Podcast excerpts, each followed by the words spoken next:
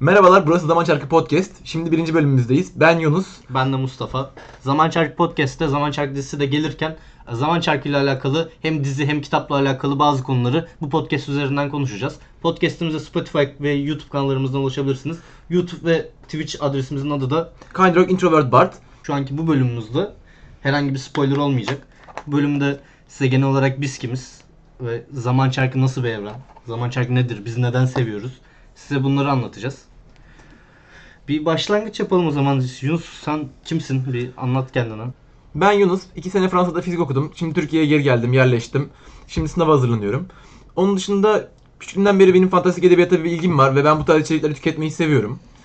Sen de kendi bir anlat istersen. Ben de Mustafa. Boğaziçi Üniversitesi'nde edebiyat okuyorum normalde.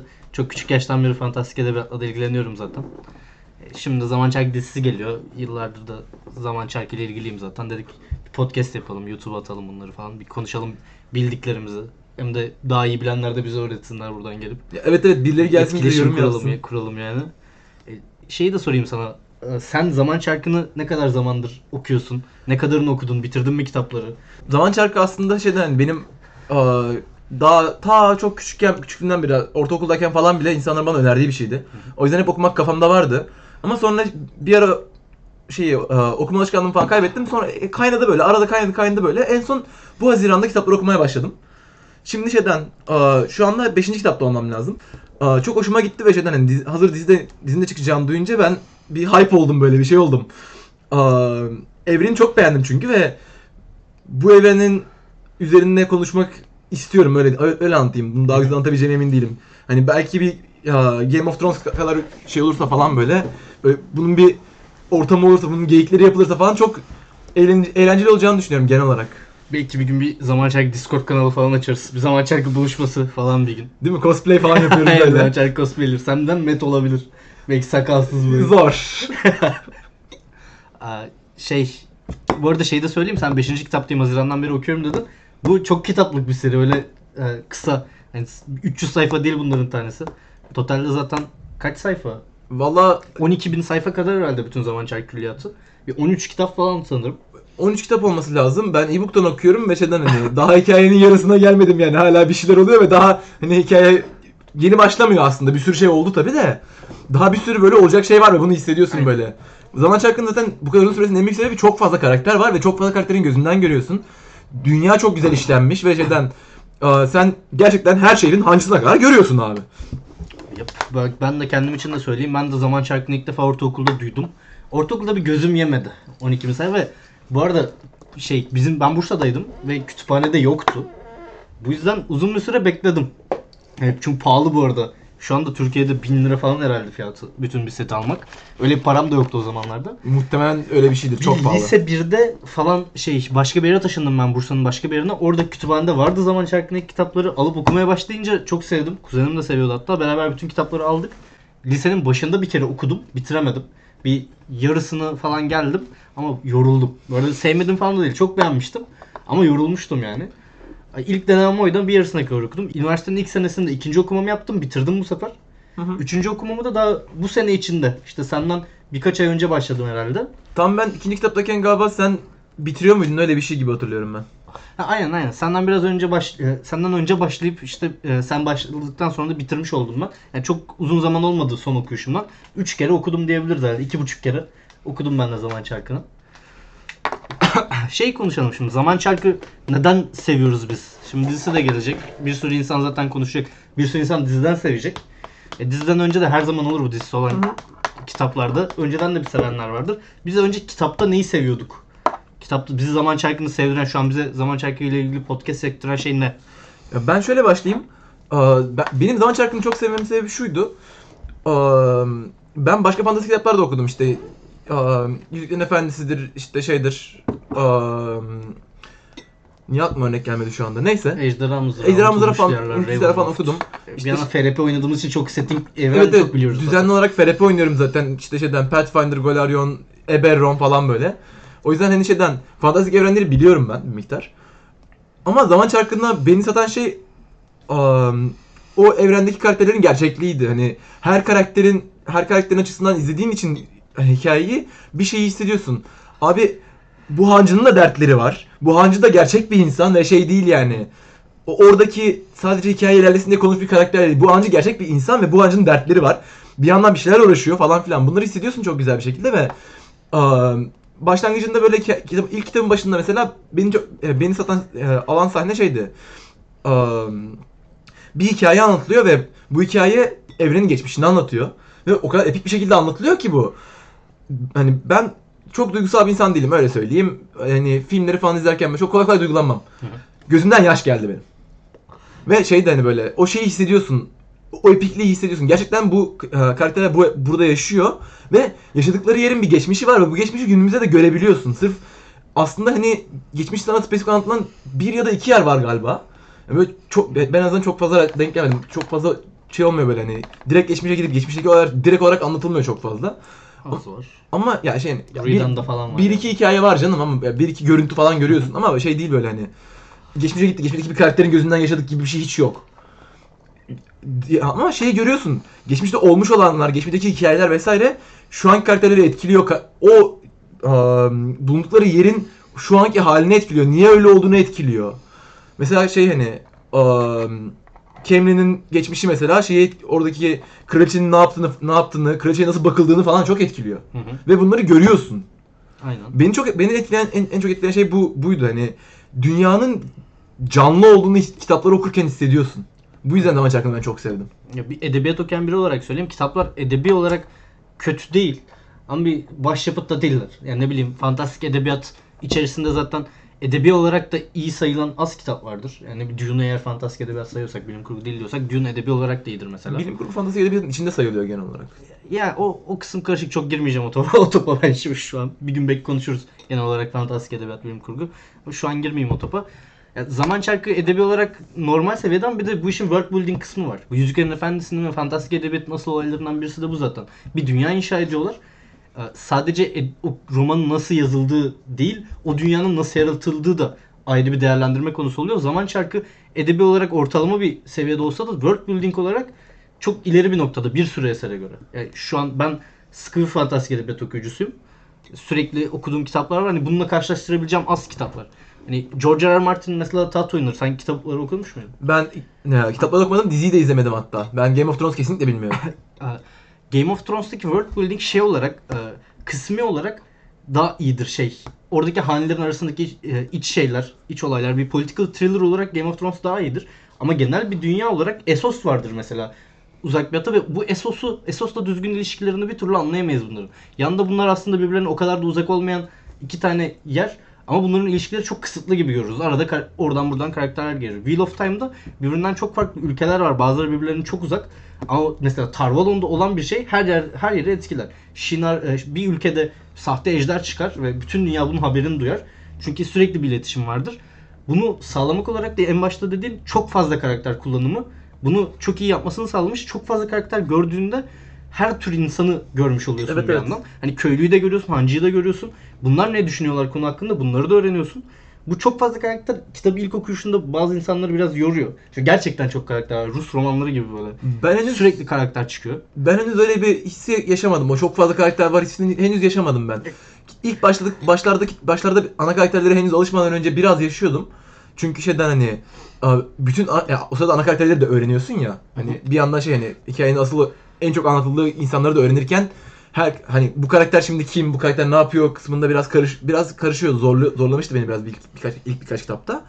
Ama bu işte ana karakterler, ana beş karakterimiz var ya mesela işte. Aa, Onları mesela alıştıktan sonra ve onların nasıl insanlar olduğunu öğrendikten sonra daha rahat oldum ve şeyden bir yerden sonra şey en kötü ihtimalle açıp ikiden bakıyorum bu kimdi şimdi ya diye böyle. Yani onu gerektiren bir kitap. Ya, Arada bakman gerekiyor. Ya bunu kabullenmek gerekiyor kesinlikle. Kitaplarda ilerledikçe daha da çok karakter gelecek.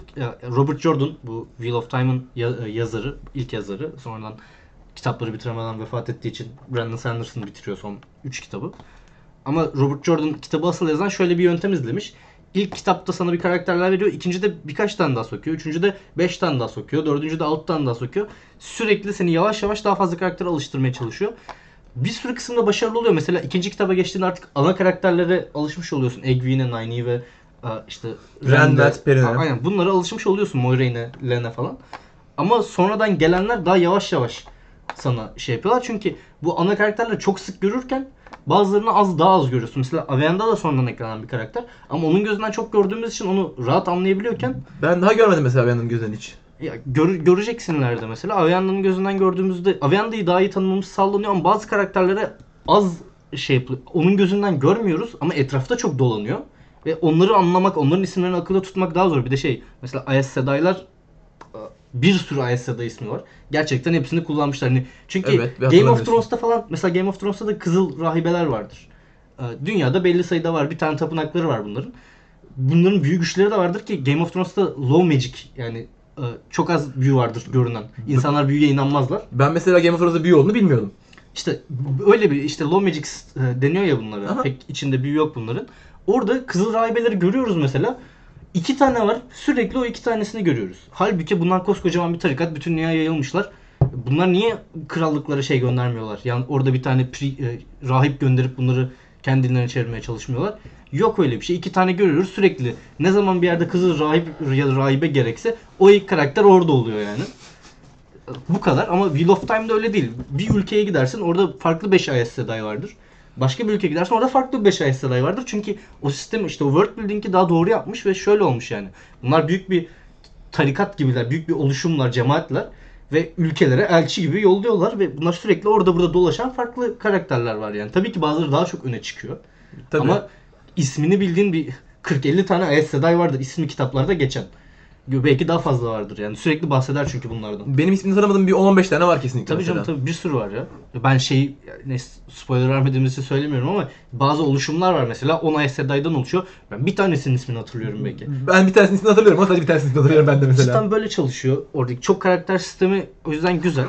Bir yandan da şeyi de konuşmak lazım. Zaman çarkı demişken zaten şu an bunu e, en iyi promotlarından bir şey yolları da bu. Zaman çarkının önemli özelliklerinden biri kadın erkek ilişkileri ilişkileri bizim dünyadakinden daha farklı. Ve Evet. bunu da bir sebebe bağlamışlar ve sonucunu da çok güzel yansıtmışlar. Hemen bu geçmiş bilgisi olduğu için spoiler değil. Bayağı zaman çarkının geçmişinde olan bir olay. Kırılış diye bir olay var. Sen anlat istersen. Sen daha tazesin. Breaking of the World, ya ben İngilizce okudum kitabı o yüzden e, biraz... Kırılış. Aynen. Mümkün olunca Türkçe kullanmaya çalışalım. Arada İngilizce kaçarsa da kusura bakmayın. Aa, kırılışın olayı şeydi. Aa, Aes bir kısmı deliriyor. Ve spesifik olarak şeyden, aa, sebebi şu. Büyü dediğimiz şey aslında tek bir güç, ya, tek bir güçten geliyor böyle yuvarlak bir şey gibi tarif ediliyor. Bunun şeyi var. Aa, kitapta anlatımı var. Şeyde çok güzel an, e, filmde, ya, dizide nasıl yapacaklar bilmiyorum açıkçası. bunu Anlatımı yapacaklar mı bilmiyorum. Neyse. Aa, erkekler ve kadın kadın büyücüler bu ha, bu gücün iki farklı yarısından güç çek, enerji çekiyorlar. Hatta ge- aa, geçmişte bunun birleşimiyle ilgili tek aynı güçten çekmeleriyle ilgili bir deney yapılıyor. Hatta galiba bu sebep oluyordu şeye. Bu kadar detaya girmeyelim. Okey, fazla detay olmuş olabilir. fazla detay. Çok basit bir cevap bekliyordum Yunus. Yine her Yan- zaman gibi. yanlış insana sordun. yanlış insana sordun. E, Şöyle işte şeyden aa, özetle iki farklı güçten çekiyorlar ve gücün bir tarafı karanlık varlık dedi- dediğimiz işte şeyden aa, bir karanlık varlık var bir yaratıcı var. Klasik kötü şey. adam bu arada. Aynen. Karanlık varlık onda bir Aynen şey öyle. Yok ya, Bir- olay yok. Bir işte büyük kötü güç, büyük iyi güç var. Büyük iyi Ha. gücü, iyi gücü asla görmüyoruz. Büyük kötü güç gücün yarısını kirletiyor. Bu yüzden erkek büyücüler o çektikleri taraf kirlenmiş olduğu için deliriyorlar. Ve delirdikleri, delirdikleri için de o güçlü artık dünyanın Ne diyorduk? Ben Yunus'un dediğini kısaca özetleyeyim. Aynen. Gücü erkekler ve kadınlar farklı kaynaklardan çekiyorlar. E, bu yüzden bunlar ayrı ayrı e, iki farklı şeyler ve erkeklerin olan taraf kullananları delirtiyor. Bu da bunu büyük bir top dediğimiz gibi dünya yaşayan bir dünya olduğu için e, bütün dünyada büyücüler vardı o dönemde de ve erkekler birden delirince bunun çok büyük sonuçları oldu. Bu delirmeler sırasında etraflarına zarar da veriyorlar bunlar. Orayı patlatıyorlar, bir şey kendilerini patlatıyorlar, etrafı yakıyorlar gibi şeyler oluyor. Bu dünyada bir şey yaratıyor. Erkek büyücülere büyük karşı büyük bir korku yaratıyor. Daha da hatta genel olarak büyücülere karşı bir korku yaratıyor. Evet, evet genel olarak zaten aa, hatta şeyden kitabın en başlarında şeyi de görüyoruz. Büyücülerden korkmasının en büyük sebebi bu kırılışın büyücülerin tamamı tarafından aa, başlatıldığı düşünülüyor. O yüzden mesela şeyden ASD'lerden korkmasının bir sebebi olarak da direkt şey var. ASD'ler yüzünden kırılış oldu zaten. ASD'lerden bu yüzden nefret ediyorlar zaten. Bunun çok çok büyük etkisi var. Kadın erkek konusuna dönecek olursak buradan da bir erkekler artık işin içinden çekiliyorlar. Hani burada daha fazla anlatmaya gerek yok. Bir ara büyüğü uzun uzun konuşuruz. Hı hı. Ne oluyor diye konuşmaya gerek yok. Ama artık dünyada artık 2000 yıldır mı kaç bin yıldır hatırlamıyorum tarihleri. Sadece kadınlar büyü yapıyorlar. Yani erkeklerin yapması yasak gibi yapa- yapanlar yakalanıyor. Sadece kadınlar yapıyor ve bu dünyadaki güç dengesinde büyük bir değişim yaratmış. Cinsiyet rolleri açısından. Evet, bu arada evet. şeyi bir söylemek gerekiyor. Bu e, cinsiyet rolleri açısından yazıldığı döneme kıyasla ilerici bir eser olmasına rağmen günümüze kıyasla zayıf. Ama Evet. normal çünkü eskiden yazıldı. Şey şey de bir ayrımcılık mesela.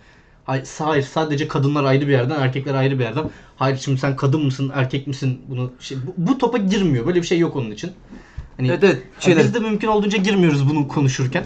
Bu o zamanın şey hani zaten şu an e, gender dediğimiz şey kaç yılında çıktı zaten kaç yıldır olan bir tanım bu. Ya şey şey Çok bu yıldır 1800'lerde yok çünkü mesela. evet. Yani Brandon Sanderson bizim ekolümüzden gelen işte cinsi gender studies falan çalışmış birisi değil. Eskiler mümkün olduğunca ilerici yapmış her şeyini. Yani her şeyin verdiği bir mesaj vardır.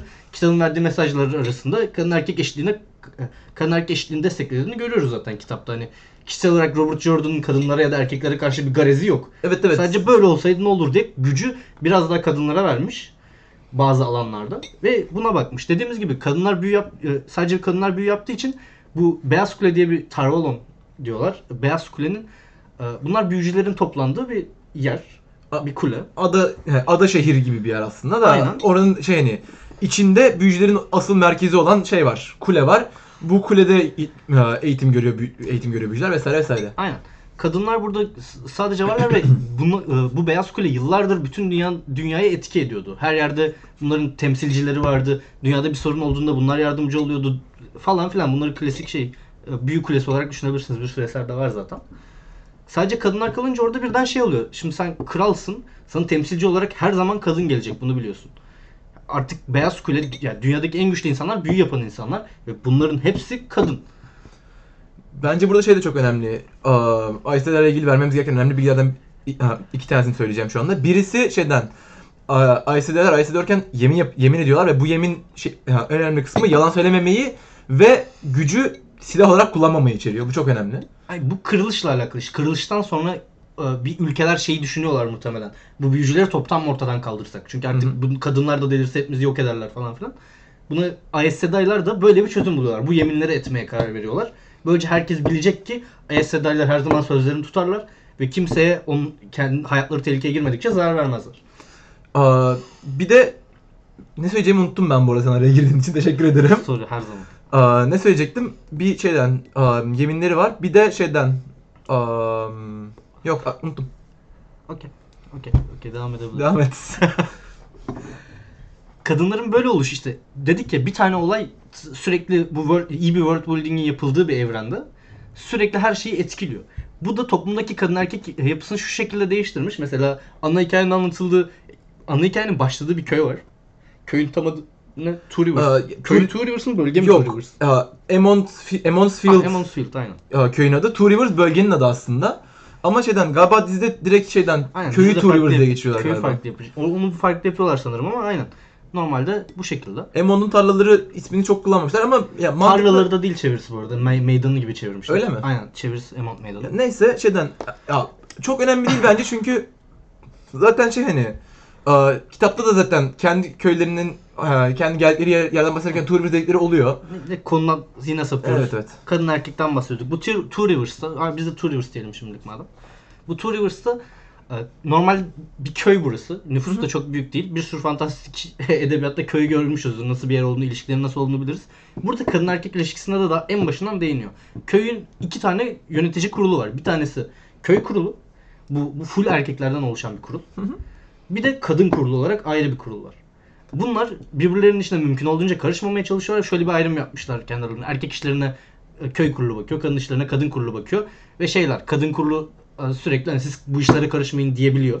Evet evet şeyleri var hani aa, Abi bu işi biz hallederiz. Sizlik bir şey yok burada. iki tarafında net bir şekilde şey var hani sürekli olarak bir iki tarafta birbirinin işine karışmaya çalışıyor bir yandan. Bir yandan da ama şey çizgisi hep var. Bu bizim işimiz, sizin bu, konu- bu konuda konuşmaya hakkınız Evet, yok evet. hep var. Standart bir ortaçağ köyünde böyle değildir. Erkekler Evet, evet. baskındır ve kadınlara bu şekilde söz verilmez. Bir sürü yerde en azından. Eminim tarih istisnaları vardır ya. Vardır. Vardır da genel bizim gördüğümüz budur. Erkekler baskındır, kadınlar işte takılırlar. Yemek yapar tadında kadınların ne yaptığını çok da bilmeyiz bu arada. Evet, evet. Göstermez bize. Yoktur çok. Ya şey gösterir ancak o köyden çıkan bir kadın maceracı olacaksa onu falan gösterir. Ama onun dışında o köydeki sıradan bir köylü kadını hiç anlatmaz. Burada anlatıyor böyle bunların erkeklerle e, çekişmelerini, çatışmalarını da bize veriyor. Biz daha e- kitabın en başından bu cinsiyet e, çatışmasını görüyoruz ve bütün kitap boyunca da bu devam ediyor.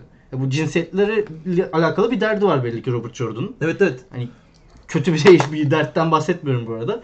Bir, bir şey var ve çözmeye çalışıyor bunu kitap boyunca. Bu cinsiyetler ne olacak şimdi? Kadınlar var, erkekler var. Ne, ne, ne yapacağız yani? Ne yapalım, nasıl olsun falan diye. Ee, gücün de erkeklerin elinde olmadığı bütün gücün bir dünyada böyle bir şey yaratmış. İleride başka ülkelere gidiyoruz. Ülkelerde de aynı.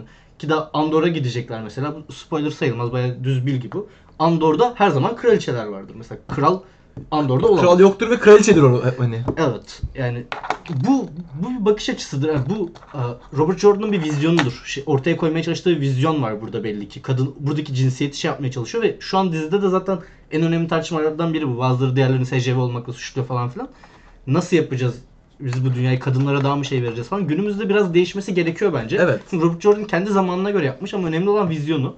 Onun vizyonunu bugüne taşımak lazım. Dizinin şu anki senaristi mi? Yönetmeni mi? Ref Judkins ne oluyor acaba? Yönetmeni muhtemelen. Ben isim konusunda çok kötüyüm. Sanırım yönetmeni. Ref Judkins şu an asıl seriyi yapan kişi de sanırım yönetmeni. O de, o kendi ağzıyla dedi ki ben bu vizyonu günümüze taşıyacağım. Bunları hani değiştireceğiz. Kadınlara daha fazla yer vereceğiz falan.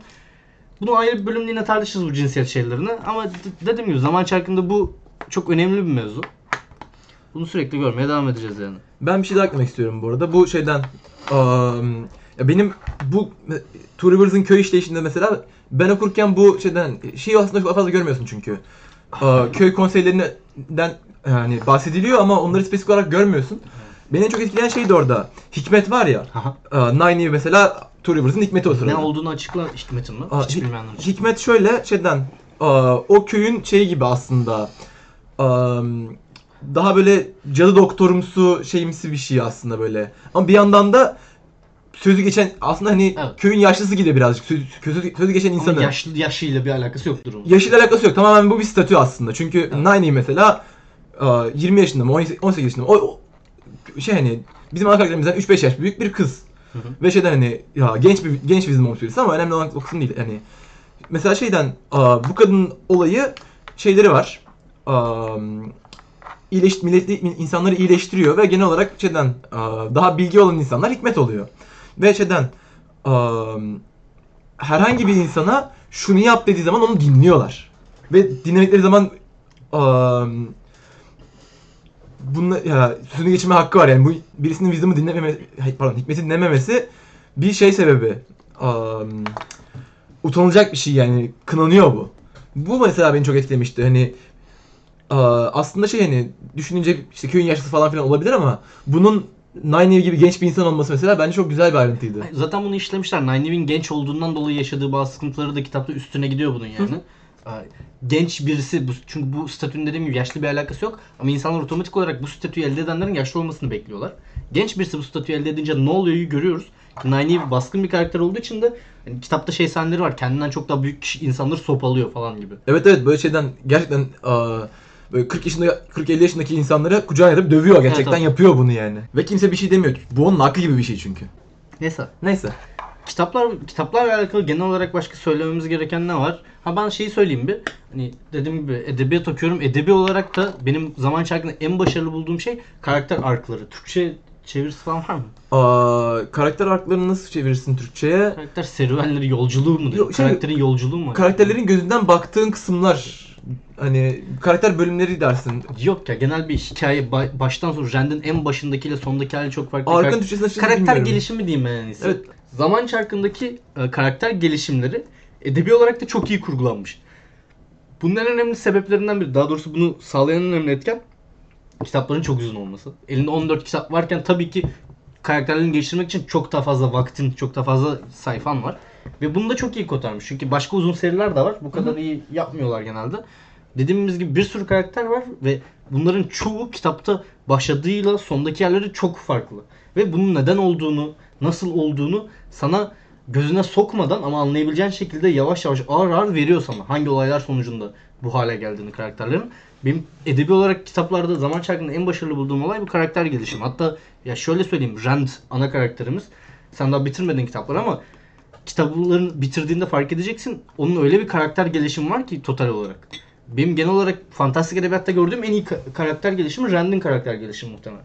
Fantastik edebiyat dışında da edebiyat içindeki karakter gelişimleri arasında da çok iyi bir yer bulur kendini. Öyle bir seviyede karakter gelişimi. Benim zaten şu anda geldiğim yere kadar da karakterlerin hepsi epey bir değişti. Moraine, Moraine Sedai bile bayağı bir değişti. Ve şey hissediyorum hani niye değişti, ne oldu epey bir hissediyorsun.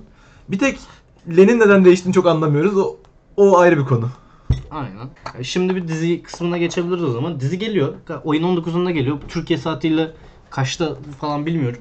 Vallahi ben Amazon. Prime'da ilk iki bölümü direkt yayınlanacak. Ne güzel. Sonraki bölümler de e, hafta hafta gelecek sanırım. Bir de şey yapmışlar. Bazı kısımlarda animasyon olarak bölümlerin sonunda verilecek animasyon olarak. Bence bu da çok iyi bir seçim ya. Bazı şeyleri cidden dizide mesela şey Menetren'le alakalı o sahneleri çekmek çok zor ya. Ya evet biraz animasyon yapar. biraz zor o sahneleri çekmek. Hani ben de şey olmuştum yani. Görüntü yapsın, görüntü yapsa çok güzel olur ama sana hatta sen şey demiştin. Bunu ama çok büyük para bunun prodüksiyonunu Evet, yapmak evet. demiştin. Ben de haklı, haklısın ama bir yanda bir şey yapmak lazım oraya. Bir görüntü vermek lazım demiştim. Biz şu an bilen insanlar için konuşuyor gibi olduk. Aslında o video bilmeyenler için de Evet. Men- Menteren dedik. Mesela Menteren ne falan hiç bahsetmedik. Ben hemen onu da açıklayayım. Menteren sahnesi ilk kitaptaki çok şey hem duygusal hem epik bir sahne. Geçmişteki o Two Rivers dediğimiz bölgede, iki nehir dediğimiz bölgede yaşanan bir savaştan bahsediyor uzun uzun. Hı hı. Kitapta her, her hepimiz bundan çok etkilendik yani. Ama bunu şeyde filmde yapmanın bazı yöntemleri var. Ya bir karakter gelip anlatacak uzun uzun ya da bir göstereceksin. Ama göstermek para olarak çok fazla. Yani Çünkü prodüksiyon- savaş Evet. zor bir iş yapmak. Evet evet hani büyük savaş bir de öyle Evet, küçük evet. 10 kişi 10 kişiye saldırıyor gibi değil. Uhud tepelerindeki okçular değil yani 200 kişi değiller o savaşta. Yok baya şey yani eee, bir şeyler yapıyorlar. O oluyor, bu oluyor. Herkes ölüyor falan filan gibi gidiyor böyle. Basit şey, dizileri. şey Harry Potter'ın fi- son filmini falan izledin değil mi? Ya da ilk, ilk Aa, izledim, yed- izledim. yedinci filmde olan İzledim, bir şey. He- ölüm yadigarlarını anlatırken bir animasyonla anlatıyorlardı ya bunu. Hı hı. Bence çok temizdi mesela o. Evet, evet. O filmin hatta en iyi yanı falandı. O animasyon çok tertemiz yapılmıştı. Anlatmak istedikleri şeyi çok tertemiz anlatıyordu. Her şeyi göstermiyordu. Parça parça yapıyorlardı. Bir Manhattan hikayesi için de bu çok okey. Yani Bence de şey çünkü zaten anlatırken de o şey yani animasyonla gösterdiğin zaman o bir ya, hikayemsi çizgi filmsi bir havası oluyor ya. Zaten diziyi izlerken de dizideki karakterler gerçek hakikaten. O yüzden o gerçekliği ve- verecek ama aa, animasyon olunca sanki insanların kafasında canlanıyormuş hissini bence alırız. olabilir ya. Hani çok emin değilim bunu, bunu bu olacak mı bunu hissedecek miyiz gerçekten ama bence bu konuda başarılı olabilecek bir fikirmiş gibi gözüküyor geliyor hani. Konuşamadım. Yani ya dizi şeyi baştan alabilir. Dizi geliyor artık. Hı hı. Genel nasıl bir şey olacağını hani kaç bölüm yayınlanacak falan onları söyledik zaten. Bu diziden neler bekliyoruz şimdi biz? Bu dizi nasıl bir, bir Game of Thrones olur mu tekrar? Bir hit çıkar mı? Amazon'un kesinlikle niyeti bu bu arada. Hem Yok, o belli. Dizisiyle hem Zaman Çarkı dizisiyle yapmaya çalıştığı şey bu. Türkiye'de bile reklam vermişler. Ben görmedim ama sen görmüşsün. Ben gördüm metroya girerken falan aa, birkaç yerde gördüm zaman Ya şarkının Yurt dışında hem Amerika'da hem İngiltere gibi daha Avrupa ülkelerinde aşırı boyutta reklam bütçesi ayırmışlar belli ki. Bütün billboardları bunun reklamıyla doldurmuşlar. Bekliyorlar bir Game of Thrones olmasını olabilir mi sence? Nasıl bir dizi olur? Güzel yani becerebilirler mi? Aa, açıkçası çok emin değilim ama biraz şey gibi söyleyeyim. Olabilir ya. Çünkü şeyden aa, Game of Thrones'da insanların hani ben Game of Thrones'u kendim izlemedim bilmiyorum ama bir sürü spoilerını aldım. Bir sürü izleyen insan tanıdım. Aha. Ve Game of Thrones'da ben bence insanları en çok şey yapan çek- çeken şey bir sürü farklı karakterin ve herkesin kendine böyle sevip ben bu karakteri daha çok sevdim diyebileceği bir karakter olmasıydı. Tabii. Bir yandan da hani şeyden sen edebi yandan bahsettin ama benim diğer insanlardan yansımasını gördüğüm şey karakterlerin genişliği ve farklı karakterlerin farklı yanlarını sevmeleriydi. Zaman Çarkı'nın bu konuda çok uygun bir dizi şey olduğunu düşünüyorum ben. Dizi olduğunu düşünüyorum. Çünkü diziden kastım seri aslında. Çünkü çok fazla karakter var ve her türden karakter var. Ve ıı, herkesin kendinden bir şeyler bulabileceği bir karakter mutlaka çıkacaktır.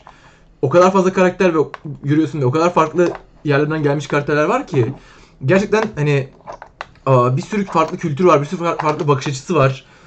Ve her karakterin kendine özel kişiliği var ve onları hakikaten görüyorsun. O yüzden mutlaka birileri bir yerden bir karaktere bağlanacaktır diye düşünüyorum ve hatta işte şeyden en güzel en iyi karakter hangisi işte şeyden hangi, hangi karaktersin işte şeyden aa, ICD'ler için işte sen hangi tip büyücüsün ayağını seç tarzı. Ya bunlar kesin olur bence de. Bu dizi çok tutmasa da bunlar olur. Çünkü birileri kesin sever. Tabii ki. Neyse dizi, e, diziden neler bekliyoruz olur mu da devam edeyim ben. Tamam. Zaman Çarkı dizisinden şimdi bir sürü kişinin çok beklentisi var. Amazon'un beklentileri var, yönetmenlerin, oyuncuların, Zaman Çark kitabını okuyanların ve hiç okumamış sadece diziyi izleyeceklerin hepsinin farklı farklı beklentileri var. Game of Thrones beklentisi bence çok doğru bir beklenti değil. Sayı olarak o sayıya ulaşırım bilmem ama Game of Thrones'un şöyle bir yanı vardı taht oyunlarının. Hı hı. O bir political thriller. Ondaki olaylar çok sürükleyiciydi. Yani şu şekilde sen bir bölüm izliyorsun ve o bölüm sonunda acaba ne olacak şimdi? Yani sen bilmediğin için bunu tam anlamıyorsun ama abi Red Wedding gibi bazı olaylar var. Hı hı. Birden herkes yıkılıyor. Bir şey oluyor. "A- Acaba bir dahaki bölüm ne olacak? Şu ölecek mi, ölmeyecek mi gibi dertlerin var. Zaman çarkında bölüm bölüm keserek şeyi yapmak çok zor. Abi bunu da merak et. Acaba ne olacak? Acaba bir dahaki bölümde ne göreceğiz? Acaba bu ölecek mi? Tahminleri yapabileceğin bölümler çok az. Zaman çarkında Evet. her şey hiçbir şey şey olmuyor. Ee, Game of Thrones'ta sana yavaş yavaş gazı veriyor, veriyor, veriyor, veriyor. Sonuca ulaşıyor. Sen bu yüzden o gazın en yüksek noktalarında sonucu bekliyor oluyorsun. Zaman çarkında öyle bir şey yok. Bir şeyler olurken birileri de yanda ölüyor. Ama seni hiçbir zaman gazlamıyor bunun için. Ya evet bazı şeyler var hani özellikle genel özellikle kitap sonlarında bir bütün o herkesin böyle rastgele hareket gibi hareket etmesinin bir birleşimi oluyor. Ama bu da bir anda oluyor ve kısa bir şey aslında görece. Şey değil böyle. Evet hani hakikaten bunların şimdi la bu eleman burada ne yapıyor şimdi dediğin şey, dediğin şeyler aa okey bu yüzden buradaymış diyorsun. Ama sana bu öncesinde bir şimdi bu adam niye burada bir şey olacak mı o gazı vermiyor. Yani Cidden o yok. Ki zaten en başında bile bu spoiler sayılır mı? Sayılmaz. Ejder kim olacak bilinmiyor dizide. Biz de söylemeyeceğiz şu an Ejder'in kim olduğunu. Ejder'in kim olduğunu kesinlikle bilmiyorlar. Ee, dizide bunu göstermeyecekler çünkü kitapta bu belliydi ve bu bir drama, bir merak unsuru değildi. Ama dizide belli ki şey yapmak istedi. Bu eksikliğin, bizim şu an konuştuğumuz eksikliğin onlar da farkında. Ve demişler ki abi insanları merak ettirecek bir şeyler koymamız gerekiyor. Şak diye mesela bu kısmı değiştirmişler. Yok kitapta okuyanlar hemen anlıyordu Ejder'in kim olduğunu. Ama bunu dizide anlamak şu an ya her yerde spoiler dönecek çünkü muhtemelen. Tabii Çünkü ki kitap de. okuyan herkes biliyor. Ama şey yani dizide buna mümkün olduğunca çaktırmayacaklar bir noktaya kadar. Bu arada bunu spoilersız şöyle söyleyeyim. Dizideki bir karakter aynı anda üç kadınla beraber ilişki, bir ilişki dörtlü bir ilişkileri var bunların. Hı hı. O erkek o üç kadınla birden sevgili. Bu kadınların hepsi birbirlerini tanıyorlar ve aralarında bir bağ da var. Bu- Bunu şu, şunu direkt söylediler. Bunu yapmayacağız dediler. Bu bana şey geldi bir yandan da. Abi bunu adam 1980 yılında yapabilmiş. Bugün neyi yapamıyorsunuz? Bu arada oradaki rolün kız erkek olması önemli değil.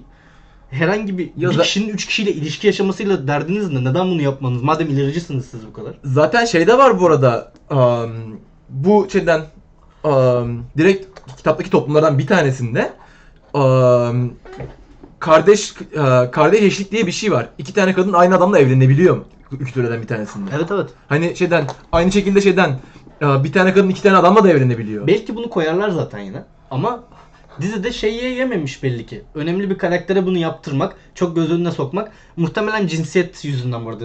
Karakterlerin o cinsiyetleri yüzünden muhtemelen. Muhtemelen o yüzdendir bu ama, ama. bu iyi bir yaklaşım değil ya. İlerici değil en azından. Evet. Yani şu anki anlıyorum popüler görüş bunu hoş karşılamayacak ama ilerici bir davranış olurdu. O 1980'lerde de belki kadınlara bu kadar güçlü olmasına tepki geliyordu belki de. Ama adam o ileri görüşlü vizyonu sergiledi ve bundan korkmadı ama siz dizi yaparken bundan çekiniyorsunuz. Bu o yüzden bu o vizyonu günümüze taşımaya çalışıyoruz laflarına beni bir şey yapıyor yani. Çok da yemiyorum ben bu lafları. Ya Gibi. Şimdilik en azından. Dizide ne olacak göreceğiz de. Evet.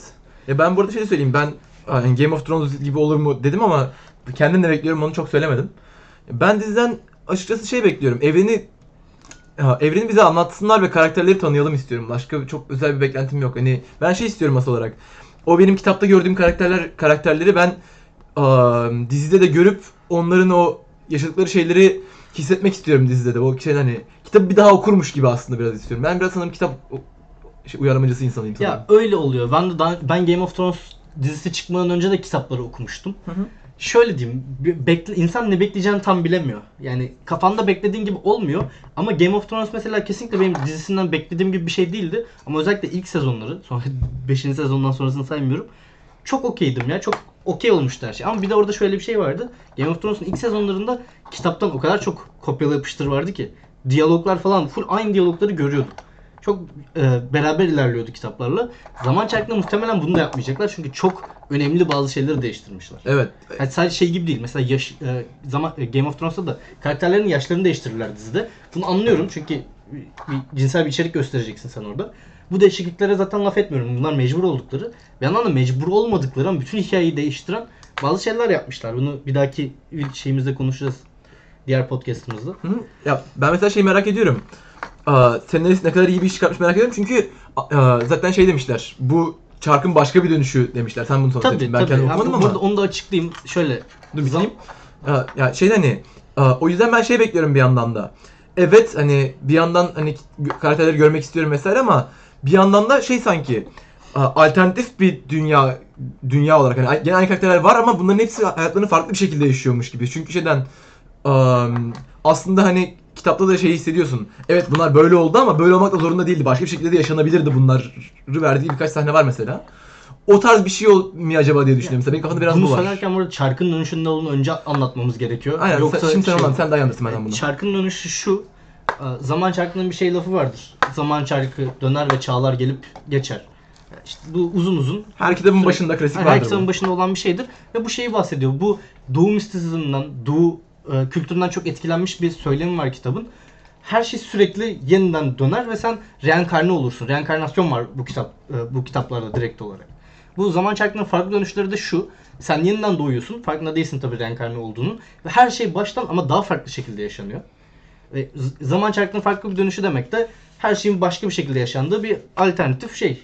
E, pa- paralel evren deniyor sanırım şu an bunlara. Paralel evren Ama gibi bir şey evet. Sürekli fa- farklı paralel evrenler yaşanıyor yani ama da bu paralel evren biraz daha batı şeyi, bat- batı söylemi. Daha doğudaki e, da- doğudan bir söylem bu şey. Zaman çarkı döner ve çağlar gelip geçer. Sürekli Doğrudan şey- şeyleri yaşarız biz. Tarihin tekerrürü aslında tamamen söylenen. Tarihin tekerrürü değil. şey. Tarihin tekerrürü şeydir. Bin sene önce bir şey olur. Bugün de bin sene önce olana benzer bir şey olur. Böyle değil. Bu daha mistik bir şekilde karakterler de aynı olarak var işte. Hani biraz öyle. Ya, tarih ilerlemiyor ama. Tarih baştan geliyor. Öyle ama. Bu şey değil. Bin yılından işte 2000'e geldik ve her şey baştan yaşanıyor gibi değil. Bin Değil, yılındaydık. değil. Tekrar bin yılındayız. Bir daha bin yılındayız sonra gibi yaşanıyor bundaki olaylar. Kitabın bir sahnesinde şey var zaten. Hani bu spoiler yok bu şu an söyleyeceğimde. Şeyi görüyorsun. Çarktaki ba- başka bazı şeyleri de görüyorsun. Orada direkt paralel evrenler gibi Be- benzer ama bazı olaylar farklı gelişmiş. Olayları görüyorsun yani neler olmuş. Bunu direkt sana gösteriyor bir noktada. Tamam. e, Konuşacaklarımız bitti galiba o zaman. Bizi dinleyen herkese teşekkürler. Evet bizim bu arada e, Twitch'ten Kind Rock Introvert Bard, YouTube'dan da aynı şekilde. Aynı zamanda Spotify'dan da Zaman Çarkı Podcast ismi altında bizi bulabilirsiniz. Zaten ben linklerini aşağı, aşağı koyacağım. Hoşçakalın. Hoşçakal.